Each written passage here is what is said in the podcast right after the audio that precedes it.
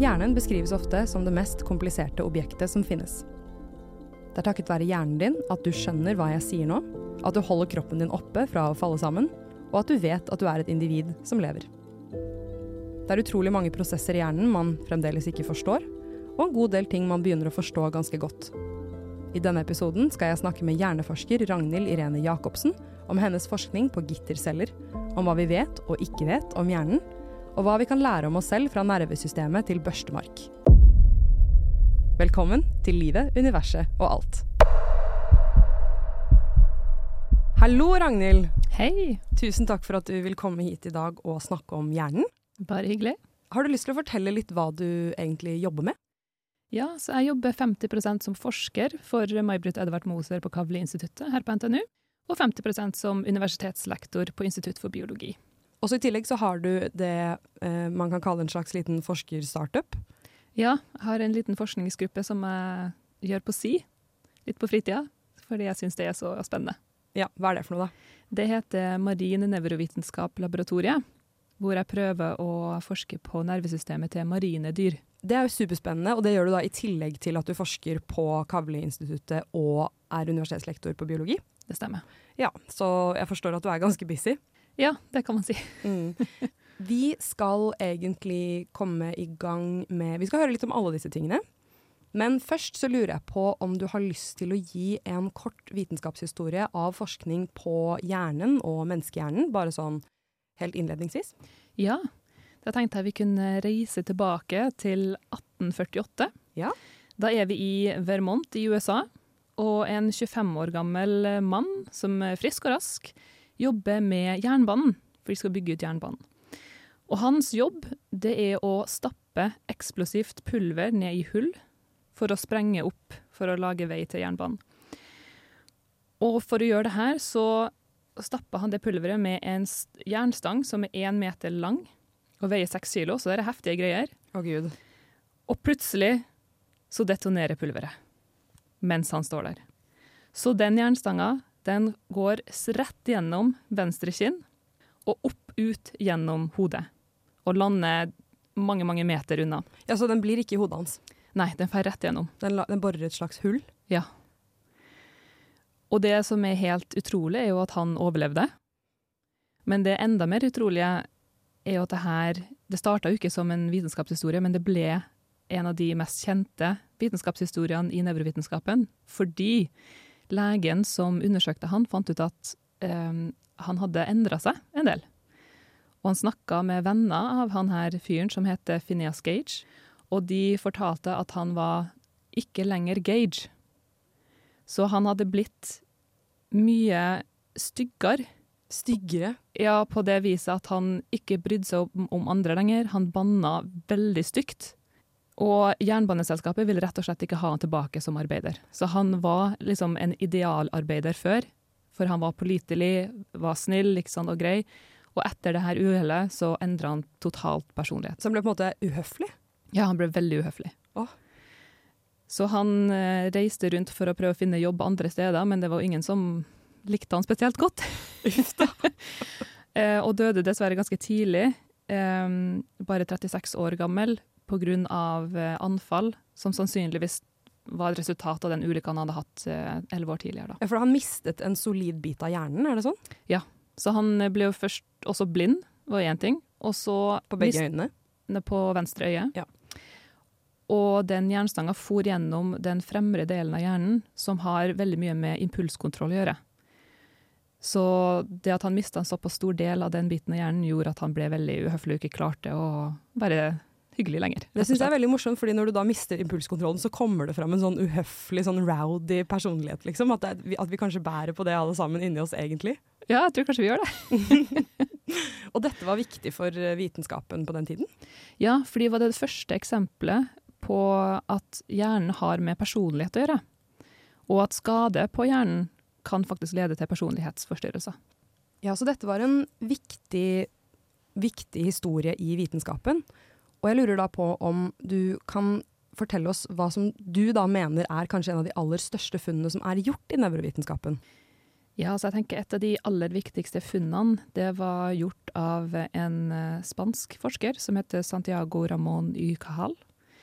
som er tenkt på som faren for moderne nevrovitenskap. Fordi det han fant, var at hjernen består av enkeltkomponenter. Det er ikke en stor gjørme av ting som bare flyter sammen. Vi har individuelle komponenter som heter nevroner, som snakker sammen. Ja, så, så nerveceller, på en måte? Ja, nerveceller. Ja, ok, Så når du sier komponenter, så er det på cellenivå. Ikke at, liksom, at hjernen består av ulike moduler, men at de består av ulike bitte små ting som heter celler? Ja, og det er den viktigste delen eh, jeg, av hjernen, at vi har de her enkeltcellene Ja. som ikke sitter sammen, men de sitter veldig nærme hverandre og snakker sammen. Ja, og det er jo det denne episoden skal handle mest om også, fordi det er jo nerveceller du forsker på. Ja. Da har vi fått en liten smak på vitenskapshistorien rundt nevrovitenskapen. Men jeg har et litt mer sånn eh, historisk eller filosofisk spørsmål, om du vil, da, som er dette med Nå vet vi jo godt at vi sitter på en måte Hjernen er et slags kontrollsenter. Vi tenker inni hodet, men er det noe man alltid har hatt en sånn følelse av, eller, eller har det på en måte vært andre teorier rundt det før? Nei, det har ikke alltid vært sånn. Um, så vi tar det kanskje for gitt at uh, selvfølgelig er det sånn, men uh, det tok lang tid før vi fant ut at hjernen faktisk var viktig. Så helt tilbake til de gamle grekerne så var de ikke helt enige om hvor intelligensen og de mentale kapasitetene faktisk sitter. Om det er i hodet eller i hjertet eller noe helt annet. Og i lang tid så var det tenkt at de kanskje sitter i de væskene som flyter rundt i kroppen. Ja, blod og sånn, liksom? Ja, og, og også det som eh, vi nå kaller cerebrospinalvæske, som er den væska som ligger i hjernen og i ryggmargen, og beskytter hjernen. Så sjøl på Leonardo da Vinci sin tid, på tidlig 1500-tallet, så var fokuset på de ventriklene i hodet som inneholder denne væska. Alt rundt var ikke så viktig. Det, det er veldig absurd å høre det nå. Ja. Når vi liksom vet at den, det er jo på en måte bare dempingen. Eller kanskje ikke helt, da, men at det, den, det er i hvert fall ikke der tenkingen foregår. da. Ja, ikke sant? Og så, og så tenker jeg også at i og med at synet sitter Det føles som synet foregår i nærheten av tenkingen. Så sånn For meg så føles det så naturlig at jeg sitter og tenker inn i hodet, og når jeg skal tenke, så tar jeg meg liksom til panna. Men kanskje på den tiden så tok man seg liksom til hjertet når man måtte tenke på noe. Ja, det vet jeg ikke, men det er jo et artig, artig bilde. Ja, det jeg syns det, det er veldig rart, men det, er jo bare, det viser jo bare at måte hva vi føler formes av det vi vet. Da. Ja.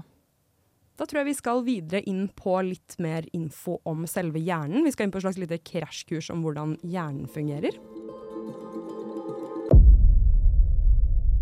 Nå er vi kommet til den biten av episoden der jeg tror vi alle håper på å få litt bedre kål på hvordan hjernen egentlig fungerer. Og det er selvfølgelig et kjempekomplekst spørsmål, men jeg lurer på om du har lyst til å gi et veldig, veldig overfladisk eh, kurs i hvordan hjernen egentlig fungerer. Ja, så på helt sånn grunnleggende nivå så er det de hjernecellene, de nervecellene som vi snakka om tidligere, som er kanskje de viktigste komponentene da, i hjernen. Og de kommuniserer med hverandre.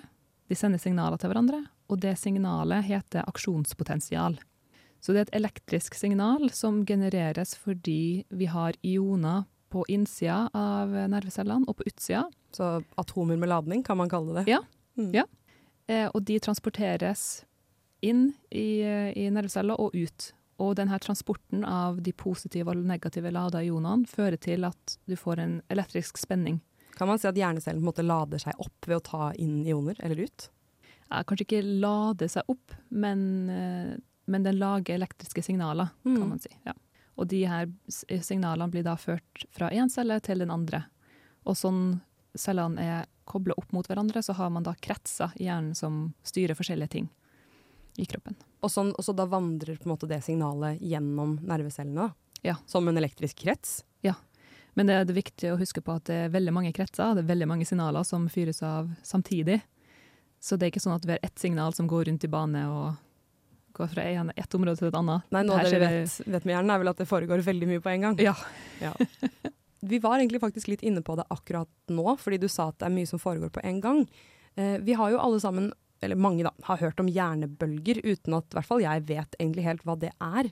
Så jeg lurer på, selv om det ikke er ditt forskningsfelt i det hele tatt, om du har lyst til å forklare hva hjernebølger er, hvordan de dannes, og på en måte hva de ulike typene hjernebølger er? Ja, så hjernebølger de oppstår når du har flere nerveceller som er aktive ca. samtidig. Så hvis de har aktivitet som er tilnærmet synkron, så kan man plukke det opp på utsida av skallen med veldig sensitive elektroder.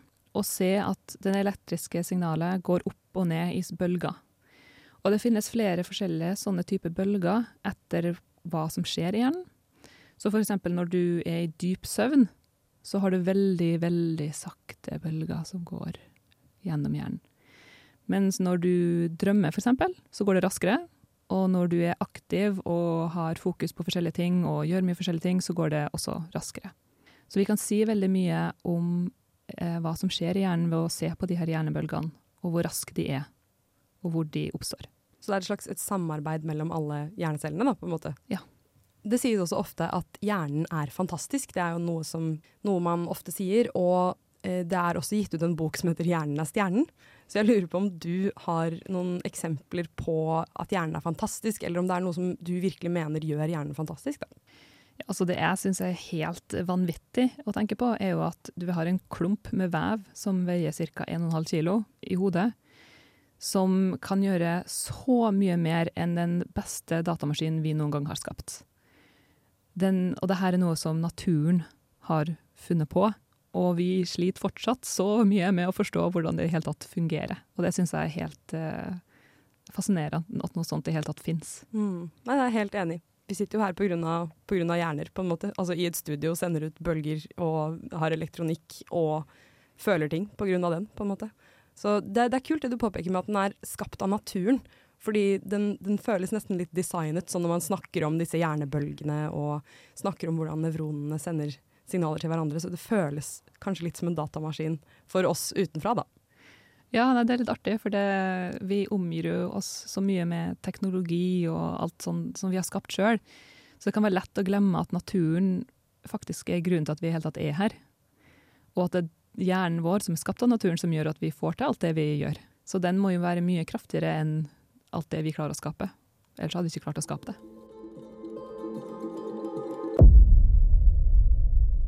Nå skal vi snakke litt mer om forskningen som du driver med på Kavli-instituttet. Og så vidt jeg forstår, så er dere blitt kåret til Heter det kåret til? Åpnet som Senter for fremragende forskning? Ja, det har vi. For tredje gang. For tredje gang! Så utrolig deilig med så mye validation. Ja, det er veldig artig å få, å få det, som du sier. Og vite at den forskninga vi gjør, faktisk settes pris på og er viktig. At andre også ser den er viktig. Vi skjønner jo at den er viktig, for vi ville ikke gjort det hvis vi ikke trodde det var viktig. Nei, nei, selvfølgelig ikke, men at den, det er litt ekstern validation, da, kan ja. du si. Mm. Nei, gratulerer. Det, det, er kjempekult. Så vidt jeg forstår, så er det sånn at det, det, er en historie, en vitenskapelig historie, som hører til forskningen dere gjør på Kavleinstituttet også. Så jeg lurer på om du har lyst til å fortelle den? Ja, så det er en veldig kjent pasient som bidro stort til det forskningsfeltet vi er på og jobber med på Kavli. Og det er en mann som heter Henry Molaison. Han var i en ulykke som sjuåring. Og når han ble ti år, så begynte han å få epileptiske anfall, som bare ble verre og verre og verre etter hvert som han ble eldre. Så da han var 27 år gammel, så var det så ille at han kunne ikke leve et normalt liv. Eh, Sjøl om han tok store doser med medisin for å prøve å kontrollere de anfallene. Så var det en eh, lege som heter William Scoville, som eh, sa at han kunne prøve en eksperimentell behandling siden anfallene var så forferdelige. Og det betydde da at han opererte bort en del av hjernen til Henry. Og etter den operasjonen så forsvant anfallene. Men det ble veldig fort tydelig at det hadde skjedd noe annet. Han hadde mista hukommelsen. Så han klarte ikke, mer spesifikt da, så klarte han ikke lenger å, å lage nye minner.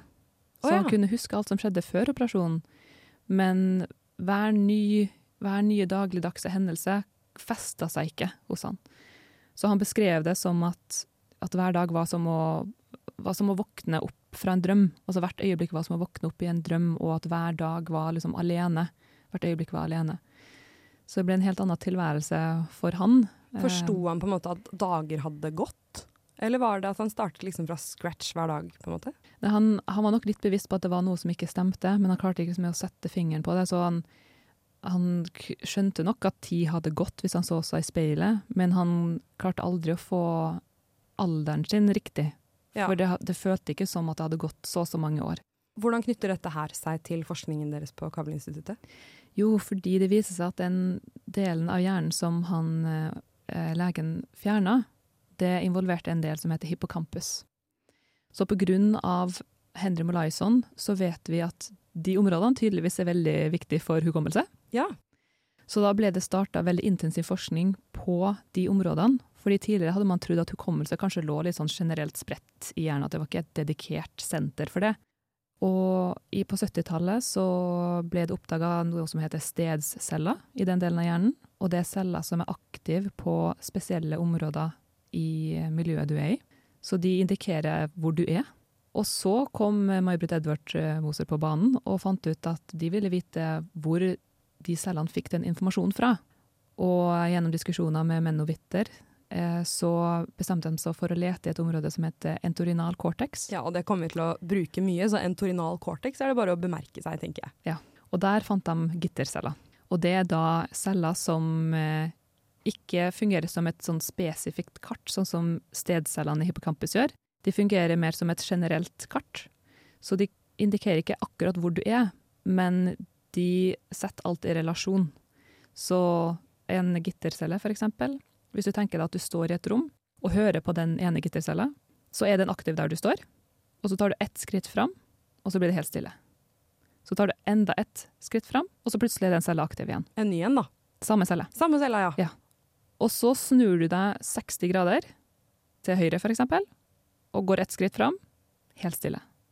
Går ett skritt til, så er den cella aktiv igjen. Så sånn, de cellene er, de er sensitive på hvor langt du har beveget deg, på en måte?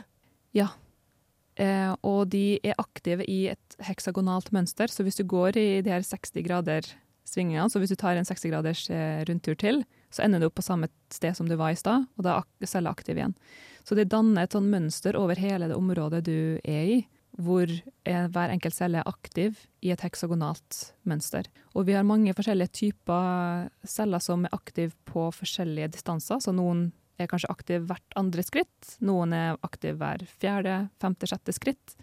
Og sammen så lager de her cellene et slags kart over området, sånn at du vet at du har gått så og så mange skritt til høyre eller til venstre. Så det finnes celler med ulik romlig oppløsning, på en måte? Det kan man si. Det er utrolig stilig. Og de ligger i et heksagonalt mønster. Det er jo disse gittercellene vi skal vie en god del tid på nå, for de er både veldig kule, og det er det du er ekspert på. Først og fremst, du nevner dette heksagonale mønsteret. Er det noen spesiell grunn til at det er et heksagonalt eh, gittermønster, på en måte? Ja, jeg tror de var veldig overraska over å finne ut at det var heksagonalt.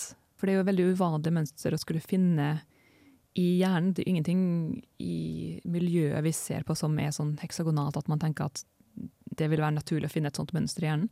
Men etterpå så har man jo funnet ut at det gir litt mening, fordi et heksagonale mønster er veldig eh, vanlig i naturen. Og det er en av de optimale måtene å pakke ting sammen på. Så sånn sett gir det kanskje mening at, at det er heksagonalt. Jeg kan faktisk avsløre at um, i mitt fagfelt i på en måte materialteknologien, så er det sånn at i metaller for eksempel, eller i veldig mange forskjellige faste stoffer, så ligger også atomene i heksagonale mønstre, fordi den pakningen også er god. Så jeg syns det er veldig morsomt at det er en, litt sånn, en universelt god pakning, da, som vi finner både i hjernen og i, i metaller, eksempel. Ja.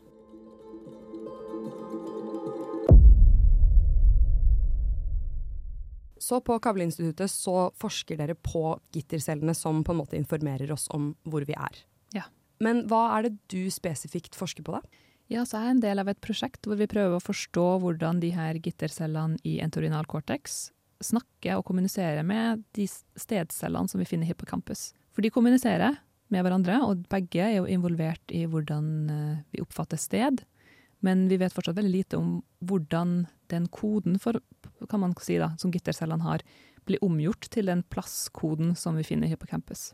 Er det sånn at de cellene som markerer sted i hippocampus er fullstendig forskjellige fra gittercellene som gir dette generelle kartet? Ja, Så de har en mye mer spesifikk koding for sted. Så de koder for spesifikke steder, og de kan også ha flere koder i celle, samme celle. Så de kan kode for et spesifikt sted som i tillegg eh, man assosierer med spesifikke ting. Så de er mye mer spesifikke på opplevelser og steder, mens gittercellene er mye mer generelle og vil være aktive i ethvert miljø du er i, mens stedcellene vil være aktive bare i spesifikke lokasjoner. Kan man si at det er sannsynlig at jeg har et, um, et radiostudio, eller en radiostudiostedscelle, på en måte, som, Ja. som er aktiv når jeg tenker på radiostudio?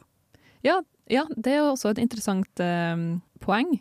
At de her cellene kan også være aktive eh, de er en del av minnestrukturen, så de kan også komme og bli aktiv når du bare husker noe, eller husker en opplevelse. Så kan de også komme på banen. Så utrolig kult. Ja, fordi det er jo ofte sånn at når du tenker på noe, så kommer du på hvor du var. Ja, det er også et veldig godt poeng, fordi det er utrolig vanskelig å komme på et minne hvor du ikke samtidig husker hvor det skjedde. Så sted og hva som skjedde der, det er veldig tett kobla sammen. Og det er fordi at både stedsinformasjon og minner er veldig involvert i, eller skjer veldig mye i hippocampus. Som snakker da med det mer generelle kartet ja. i entorinal cortex. Ja.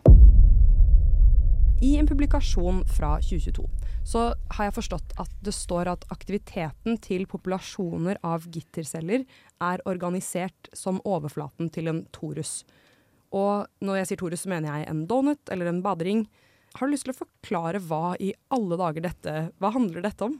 Ja, så Det handler litt om det at de her gittercellene de ligger i et område som ikke får direkte informasjon fra noen av sansene. Så de får ikke direkte informasjon om det du ser eller det du hører. Så det har vært litt sånn eh, mange teorier da, rundt hvor, hvorfor, hvordan kommer denne heksagonale aktiviteten fram. Det må være noe sånn intern dynamikk som skjer i det området, at de lager en aktivitet, det aktivitetsmønsteret sjøl. Og da var en av teoriene at kanskje det aktivitetsmønsteret til hele populasjonen av gitterceller ligger på en smultring. Fordi det vil være en av de optimale måtene å lage todimensjonale kart på. Kan du prøve å forklare hva det på en måte betyr for vårt indre kart at aktiviteten til disse gittercellene ligger på en donut? Ja, så det betyr jo egentlig i prinsippet at kartet er uendelig. Du kan aldri dette av det kartet, for du vil alltid komme tilbake til der du var, på en måte. Det er utrolig, utrolig stilig, det også, da. Altså, en donut er jo en kjent topologisk struktur, og topologiske strukturer de dukker jo opp overalt, blant annet i liksom Eh, robotikk og i universets egen form. Så det er også litt gøy med en sånn universal ting da, som på en måte finnes i hjernen. Og som også føles litt Donut føles litt ubiologisk, hvis du skjønner? Ja. Litt som det heksagonale mønsteret, på en måte. Ja, det kan du si. Så det er jo veldig spennende at uh, i hele tatt man kan finne det. Og det er jo fordi at vi har noe teknologi som gjør det mulig. Mm. Men at det i hele tatt finnes der, er også veldig spennende at hjernen har kommet på, eller naturen har klart å lage sånne mekanismer. Ja, for der nevner du jo noe jeg hadde tenkt å spørre om, som er hvordan gjør dere egentlig det her? Hvordan ser dere på gitterceller? Ja, det er et godt spørsmål. Det er to hovedmåter vi bruker. Det ene er bruker vi sensorer som kan plukke opp elektriske signaler. Så det er veldig, veldig, veldig små sensorer som man kan sette inn i hjernen til rotter og mus og plukke opp de her signalene som gittercellene gir fra seg, mens den rotta eller musa springer rundt og spiser kjeks eller sjokolade eller hva den har lyst på. Det hørtes hyggelig ut for den, da. Ja, de er veldig søte når de gjør det også. de blir på en måte kjæledyrene våre uh, over tid. Er, hvor små er disse Hvis dere klarer å putte ting som måler enkeltcelleaktivitet inn i hjernen til rotter og mus, det må jo være fryktelig smått? Ja, og det hadde jo ikke gått med, hvis vi ikke hadde hatt teknologien til å utvikle det. Så det er ikke vi som utvikla det, men det er andre som har utvikla det, som, som, har gjort at vi har klart å måle aktiviteten til de her hjernecellene og gjøre de oppdagelsene som gjøres. Det er implantert i hjernen, rett og slett? Ja. Så de er implantert eh, i hjernen og står der fast. Og hver gang man har lyst til å lytte på hjernecellene, så kobler man på en, eh, en ledning og høre dem på en datamaskin. Det jeg ser for meg som på en måte var det som var litt sånn i populærvitenskapen da Moser vant nobelprisen, det var på en måte at man hadde rotter i labyrinter. Er det, er det fremdeles sånn det foregår? Ja, så vi bruker ofte det vi kaller open field. Så det er en stor eh, boks som egentlig er helt tom, bortsett fra de her eh, kjeksbitene som vi kaster oppi. Men man kan også bruke en slags labyrint hvor man er interessert i å se på hvordan cellene oppfører seg i litt mer kompliserte miljø. Så den andre metoden vi bruker i laben, den er optisk, så vi bruker mikroskop for å se på cellene. Oi! Så det er en litt nyere metode, eh, og det er veldig spennende. Det er blitt utvikla av eh, en eh, i laben som har laga et mikroskop som er så lite at en mus kan bære det på hodet.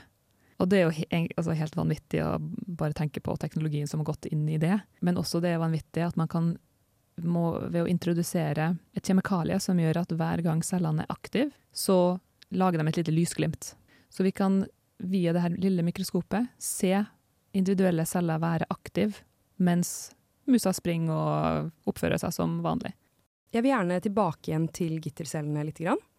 Eh, og bare for ordens skyld så er jo dette gitterceller som vi og mus og rotter har. Jeg lurer på, er de aktive når vi sover? Det er de. Og det er jo veldig spennende med tanke på at man drømmer når man sover, ikke sant? og gjerne gjenopplever det som har skjedd i løpet av dagen. Og da er det kanskje ikke så rart at også de gittercellene kommer på banen og er aktive. Fordi det du har gjenopplevd i løpet av en dag, har også mye med stedet å gjøre. Så grunnen til at du, du vet hvor du er i en drøm, er fordi gittercellene dine ligger og jobber? Ja. Vet dere det her fordi dere har sett på hjerneaktiviteten til sovende rotter og mus? Det er det vi har gjort.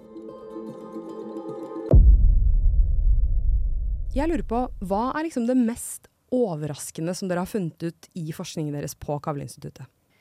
Jeg tenker en av de overraskende tingene som vi ikke kanskje tenker så veldig mye på, er, at vi har veldig mye fokus på de her gittercellene. Og det er jo veldig viktig, og det er veldig unik, men det er faktisk ikke så veldig mange av dem. Av alle de hjernecellene i det her området som vi finner gittercellene, så er kanskje gittercellene mellom 7 til 25% av cellene. Så det er ikke så voldsomt mange. Ja vel. Og Hva er resten? ja, ikke sant? Eh, og så viser det seg at resten av cellene, der det er fortsatt mange vi ikke helt vet hva gjør ennå, men så finner vi også celler som man kaller kantceller. Så de er aktive hver gang du går langs en kant, f.eks. en vegg. Vi har også hoderetningsceller, så de er aktive når du beveger deg i en spesiell retning, så, altså hvilken retning hodet ditt peker i. Hva som et slags kompass, liksom? Ja, et slags internt kompass på hvor du er i verden, som er veldig subjektivt kart. da. Eller hvor du, hvor du peker hodet? Er det sånn Ja, hvor du peker hodet. Og vi har eh, noe som kalles objektvektorceller, som er interessert i objektene som er rundt deg, og hvor langt unna de er. Dette er litt på siden av det vi snakker om, da. Men jeg hørte på, eh, så vidt på en podkast som handlet om hjernen, sånn som denne, hvor de sa at du kan ha en egen celle som er aktiv kun når du tenker på Erna Solberg. ja, Kan det stemme? det er studier som tyder på det. Og det er faktisk eh, gjort i mennesker som er utreda for epilepsi. Og da har man en unik mulighet til å faktisk se på hjernecellene, eller høre på hjernecellene i mennesker. Og det er noen kjente studier hvor man f.eks. viste bilder av en kjent person. Jennifer Aniston er et typisk eksempel. Hun brukes mye i hjerneforskningen. Eller var i hvert fall i det i den studien. og kan, da kan du vise fram bilder av f.eks. Jennifer Aniston. Du kan vise navnet hennes, bare skrevet. Eh, kanskje stemmen hennes. Og den cella vil være aktiv for alt som har med Jennifer Aniston å gjøre. Å ja, alle aspekter ved Jennifer Aniston, liksom? Ja. Det syns jeg er helt absurd. Ja, så det er litt rart. Så det, er, det kan jo ikke være sånn at hver, hver celle er sånn. Nei. For det hadde ikke gått, for vi har altfor mange ting vi skal forholde oss til i verden til at vi Vi har ikke så mange celler, da måtte hjernen vært veldig, veldig større. Ja ja, det tror jeg på. Men at det finnes noen celler som er litt mer spesifikke enn andre, det Så Jennifer Aniston-cellen min, den betyr det at akkurat nå så er vel den aktiv, da, siden vi snakker om Jennifer Aniston. Ja. Men eh, resten av tiden, for jeg tror det er i hvert fall kanskje et halvår siden sist jeg tenkte på Jennifer Aniston, så betyr det at den har ligget og slappet av fram til nå, da. Ja, eller kanskje den ikke aldri var noe spesielt aktiv, fordi du ikke bryr deg om Jennifer Aniston noe særlig? Jeg bryr meg ikke så mye om Jennifer Nei. Aniston, faktisk. Men nå er den det, kanskje. Kanskje. Ja, et annet ord man bruker for de her type cellene er bestemorceller. Og Ja det er kanskje noe som de fleste har, et forhold til bestemor. Så i stedet for Jennifer Aniston, så kanskje du har en bestemorcelle som er litt mer aktiv. Det har jeg absolutt. Hun hadde bursdag i går, faktisk. Ja, Se der. Da tror jeg at vi skal gå litt eh, videre. Jeg forstår det sånn at forskningen deres på gitterceller også har fått betydning for nevrodegenerative sykdommer. Har du lyst til å fortelle meg litt om det? Ja, så det viser seg at det området de gittercellene ligger i, entorinal cortex, er et av de første områdene som blir skada i f.eks. Alzheimers sykdom.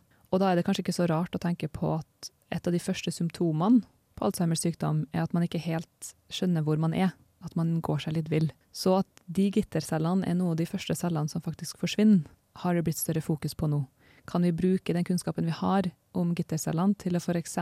forutse dem som er i ferd med å utvikle Alzheimers sykdom. Er det noe spesielt ved de gittercellene som gjør at de er så spesielt sårbare? Kan vi gjøre noe for å hindre at de er så sårbare, f.eks.? Nei, men Det er veldig stilig. Var det noe man forventet da Edvard og May-Britt Moser begynte forskningsgruppen sin? Nei. Det vil jeg i hvert fall ikke tro. Så det er et av de artige aspektene med grunnforskning. At man kan starte med et spørsmål som kanskje er nysgjerrighetsdrevet, kanskje er drevet av noe annet. Og, men med grunnforskning så vet man aldri helt hva utfallet vil bli.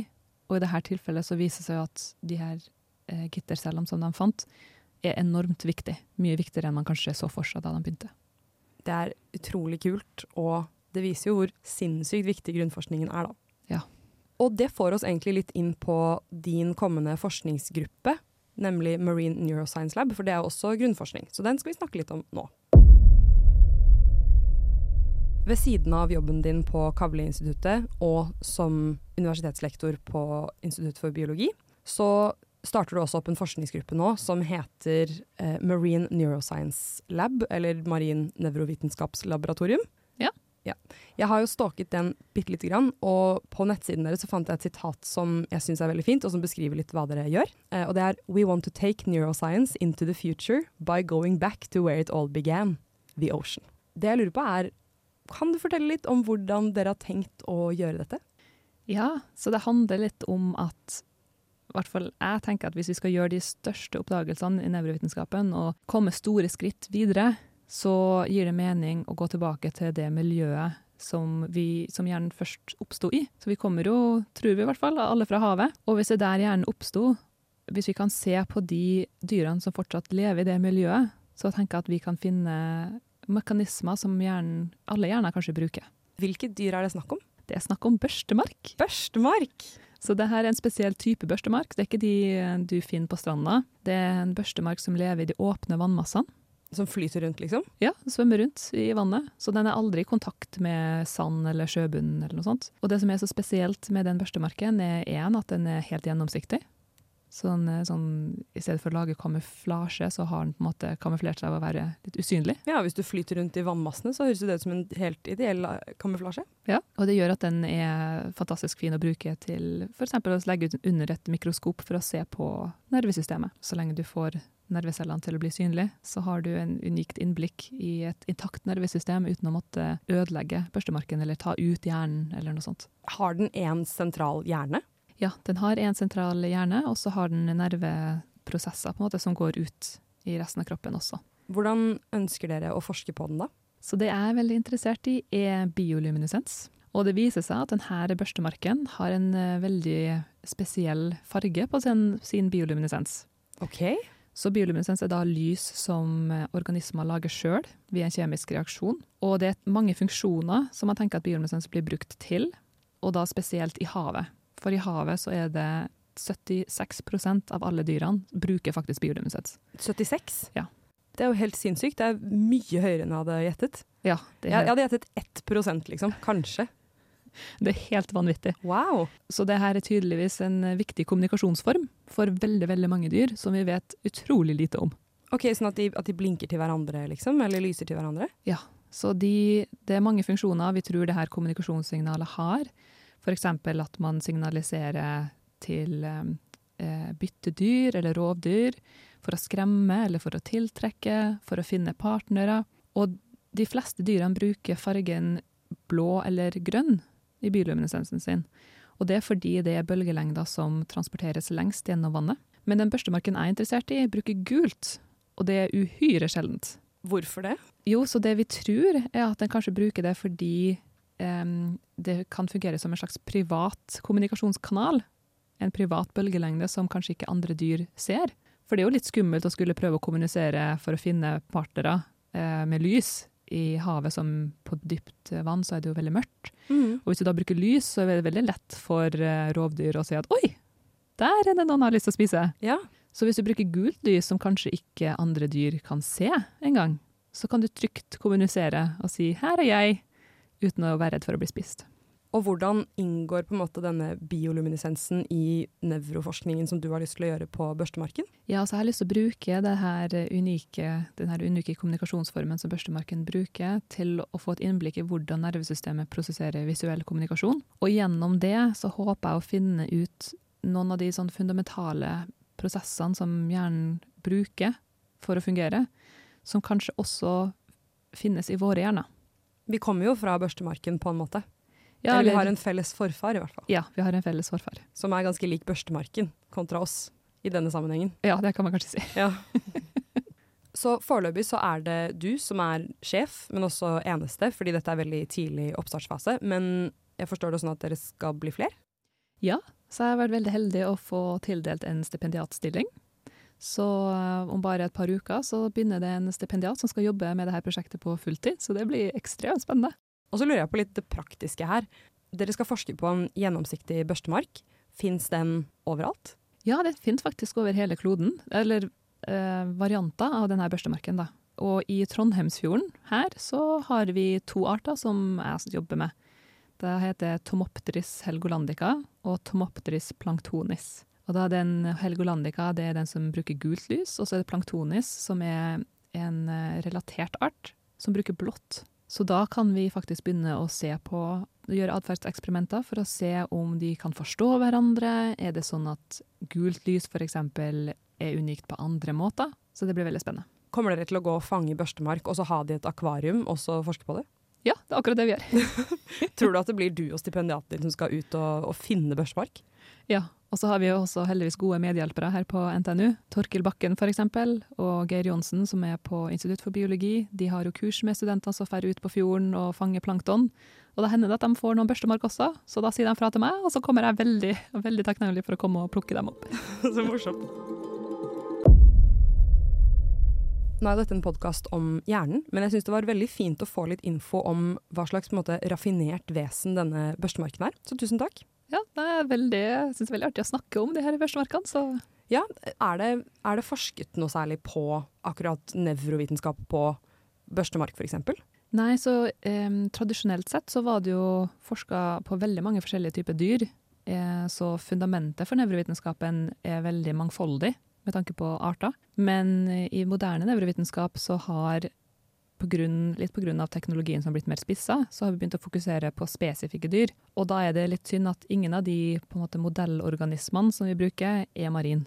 Så vi har beveget oss litt bort fra havet. Og det er det jeg har lyst til å prøve å få oss tilbake til nå, da. Siden det tross alt er der vi kommer fra, på en måte? Yes. Veldig kult. Nei, jeg ønsker deg masse, masse lykke til med det. Tusen takk. Vi nærmer oss slutten av denne episoden, men jeg tenker at jeg vil gjerne stille et litt stort avslutningsspørsmål. Jeg vil snakke litt om fri vilje. Jeg lurer nemlig på Du har jo en bakgrunn innenfor nevrovitenskapen. Du tenker på hjernen og dens eh, impulser og prosesser. Så hva tenker du om fri vilje? Jeg kan ikke si at jeg har tenkt så veldig mange dype tanker om det, for jeg syns det er et veldig vanskelig spørsmål. Men det jeg syns er litt artig, er at jeg leste en gang at man kan jo diskutere om man har fri vilje eller ikke, men at man har en fri ikke. Ok. Og det betyr rett og slett at vi har impulser, og ting som kanskje føles som at skjer automatisk innimellom. Men vi har en viss kontroll over dem. Vi kan velge å ikke følge de impulsene. Og jeg syns det er litt uh, forfriskende å tenke på, da. Mm. At vi har en viss kontroll. Jeg tror alle kan, alle kan, vel kjenne seg igjen i følelsen også av at du, du, får en eller annen impuls, og så velger du å ikke følge den. Ja. Om, enten det er å, å få impuls om å ikke dra på trening, og så dra på trening, ja, man kan overstyre den følelsen at man bare har lyst til å bli liggende på sofaen. Ja, så, så vi, har fall, vi har jo en følelse av at vi har frivillige. Ja, eh, det har vi. Og det tenker jeg er jo veldig viktig. Men om eh, det faktisk eksisterer eller ei, er jo et veldig stort spørsmål. Men jeg tenker at det er kanskje ikke det viktigste spørsmålet. Det viktigste spørsmålet er jo at vi er fornøyd med de livene vi har. Mm. Og følelsen av frivillig er veldig sentral for å være fornøyd, tror jeg. Ja. Da lurer jeg på om vi skal komme oss tilbake igjen til det mer konkrete. Og da lurer jeg på hva skulle du ønske at vi fant ut i løpet av de neste la oss si 50 årene med nevroforskning? Ja, så det jeg håper inderlig å få oppleve i løpet av min levetid, er, at vi skal få noen store oppdagelser når det, når det gjelder hjernesykdommer. Og da kanskje spesielt mentale lidelser. For det er et så stort problem som vi vet fortsatt altfor lite om til å faktisk kunne tilby noen reell behandling eh, for det. Og det er lidelser som veldig mange sliter med, og det er veldig mange pårørende rundt. Så hver person som har det tungt, har også personer rundt som er glad i den personen, og som sakte, men sikkert kanskje ser at den personen bare blir et skall, en skygge av seg sjøl. Og jeg syns det er veldig vondt. Så jeg håper at nevrovitenskapen skal kunne bidra til å forbedre sånne hjernesykdommer. Jeg håper, jeg håper også det. Jeg syns det er et utrolig fint svar. Og så over til det motsatte spørsmålet. Hva tror du at vi aldri finner ut om hjernen? Ja, det er et godt spørsmål. Jeg tenker at det skal godt gjøres å løse menneskehjernen. Og her har jeg et sitat som eh, et av mine favorittsitat. Det står faktisk på, i doktorgradsavhandlinga mi. Oh. Og det sier som følger at If the human brain were so simple that we could understand it, we would be so simple that we couldn't. Og det er det Emerson Pugh som har uh, uttalt. Og jeg tenker veldig mye på det at vi som forsker på hjernen, bruker jo hjernen til å forske på hjernen. Så for at vi skal kunne forstå hvordan menneskehjernen fungerer ved å bruke menneskehjernen, er kanskje litt hårete mål. jeg forstår. Jeg skjønner hva du mener. Det er en veldig sånn metatilstand. Ja. Så det er jo også litt derfor det marine nevrovitenskapelige laboratoriet mitt velger å fokusere på en mye enklere organisme, børsmark. Mm -hmm. For jeg tror at vi, der har vi større sjanser for å finne ut hvordan nervesystemet fungerer. Nei, Veldig kult. Jeg tror at det vi aldri finner ut, er hvordan hele hjernen fungerer, på en måte. Ja, jeg tror det vil være vanskelig å finne ut hvordan vår hjerne fungerer så langt som at vi fortsatt har vår hjerne. Kanskje i framtida at vi blir veldig mye mer avansert, så klarer vi å forstå de hjernene vi som lever nå i 2023 har. Mener du den dagen vi er børstemarken? Og noen andre forsker på oss? Ja. Nei, det er veldig, veldig morsomt. Tror du, tror du, det? At eh, det kan oppstå noe som er mye mer komplekst enn oss? Ja, jeg tenker evolusjonen, den går sin gang. Og at vi blir mer og mer avansert? Ja. ja, om det blir oss som Homo sapiens, eller om det blir en ny art, f.eks., eller noe annet som skjer så lenge vi ikke ødelegger den naturen som har skapt oss, så tror jeg at uh, mye spennende kan skje langt i framtida. Det er helt sant. Jeg tror det er lett å tro at evolusjonen står stille, men den gjør vel egentlig ikke det verken på oss eller noen andre arter. Nei, det står aldri stille. Det er en utrolig, utrolig kul tanke. Og litt humbling. Vi skal ikke føle at vi sitter her på, i slutten av historien og har vunnet evolusjonen. Det er ikke sånn det fungerer. Nei, vi er bare en blipp i et mikrosekund i hele historien. Du var litt inne på det i stad. Du sa at du forsker på hjernen med din egen hjerne. Og det er ting vi ikke forstår ved hjernen, som du forstår gjennom prosesser som vi ikke forstår med hjernen. Så det jeg lurer på er, eh, tenker du veldig mye på din egen hjerne? Lurer du liksom på hva hjernen din driver med når du utfører ulike ting, eller hva dine egne grid cells forteller deg om hvor du er? Og har du et veldig bevisst forhold til din egen hjerne? Kanskje ikke sånn superbevisst, men jeg tenker innimellom på det. At uh, jeg er veldig avhengig av hjernen min da, for å skjønne uh, hjernen, og at det da kanskje er veldig viktig at jeg tar godt vare på den. Ja. Og der er et uh, ordtak som jeg syns er litt artig. Bakerens barn har ikke brød. Og det er jo en sånn skal bety at man, der man skulle kunne forvente at det er overflod av noe, så er det ikke det. Og jeg syns det er litt artig, fordi det er mange hjerneforskere som man kanskje kunne tenkt at ja, når man har så mye kunnskap om hjernen og vet hvor viktig den er, så tar man sikkert veldig godt vare på den hjernen sin. Mm. Det er ikke tilfellet. Det er mange hjerneforskere som ikke tar så godt vare på hjernen sin. Som kanskje ikke sover nok, kanskje ikke trener nok, spiser bra nok. Men også, og det tror jeg veldig mange i kreative og type yrker som er drevet veldig av indre motivasjon og drivkraft, som forskning ofte er, så er man så gira på det man gjør på den forskninga. Man vil bare fortsette og fortsette. Og da er det lett å bli utbrent og sliten, og det takler ikke hjernen så bra. Så i, i forsøket på å forstå hjernen, så kan man uh, forsømme egen hjerne? Ja. Det er overraskende lett. det er en god, en god, påminnelse til alle både hjerneforskere og ikke-hjerneforskere der ute, da, å prøve å få nok søvn, spise sunt. Er det sånn man tar på hjernen? Ja, og eh, gjøre altså, rett og slett alt det generelle som vi vet at er bra. Det er også bra for hjernen. Da tror jeg egentlig at vi kan avslutte denne episoden her. Men det har vært helt utrolig hyggelig å ha deg her for å snakke om hjernen. Virkelig. Tusen takk for at jeg fikk komme. Det har vært veldig artig å få lov til å snakke om eh, hjernen også. Ja, det var veldig, veldig inspirerende. Det føles så bra at dere finner mer og mer ut av hvordan vi fungerer, og hvordan børstemarken fungerer. Ja, kanskje mest børstemarken. Ja, mest børstemarken.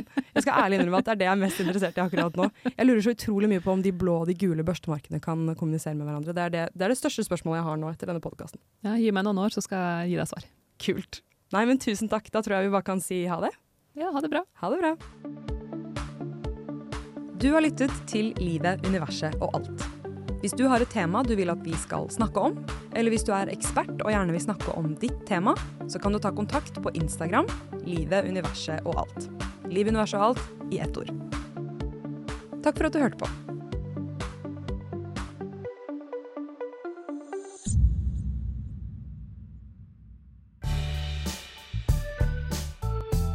Du har lyttet til en podkast på Radio Revolt, studentradioen i Trondheim. Sjekk ut flere programmer på radiorevolt.no.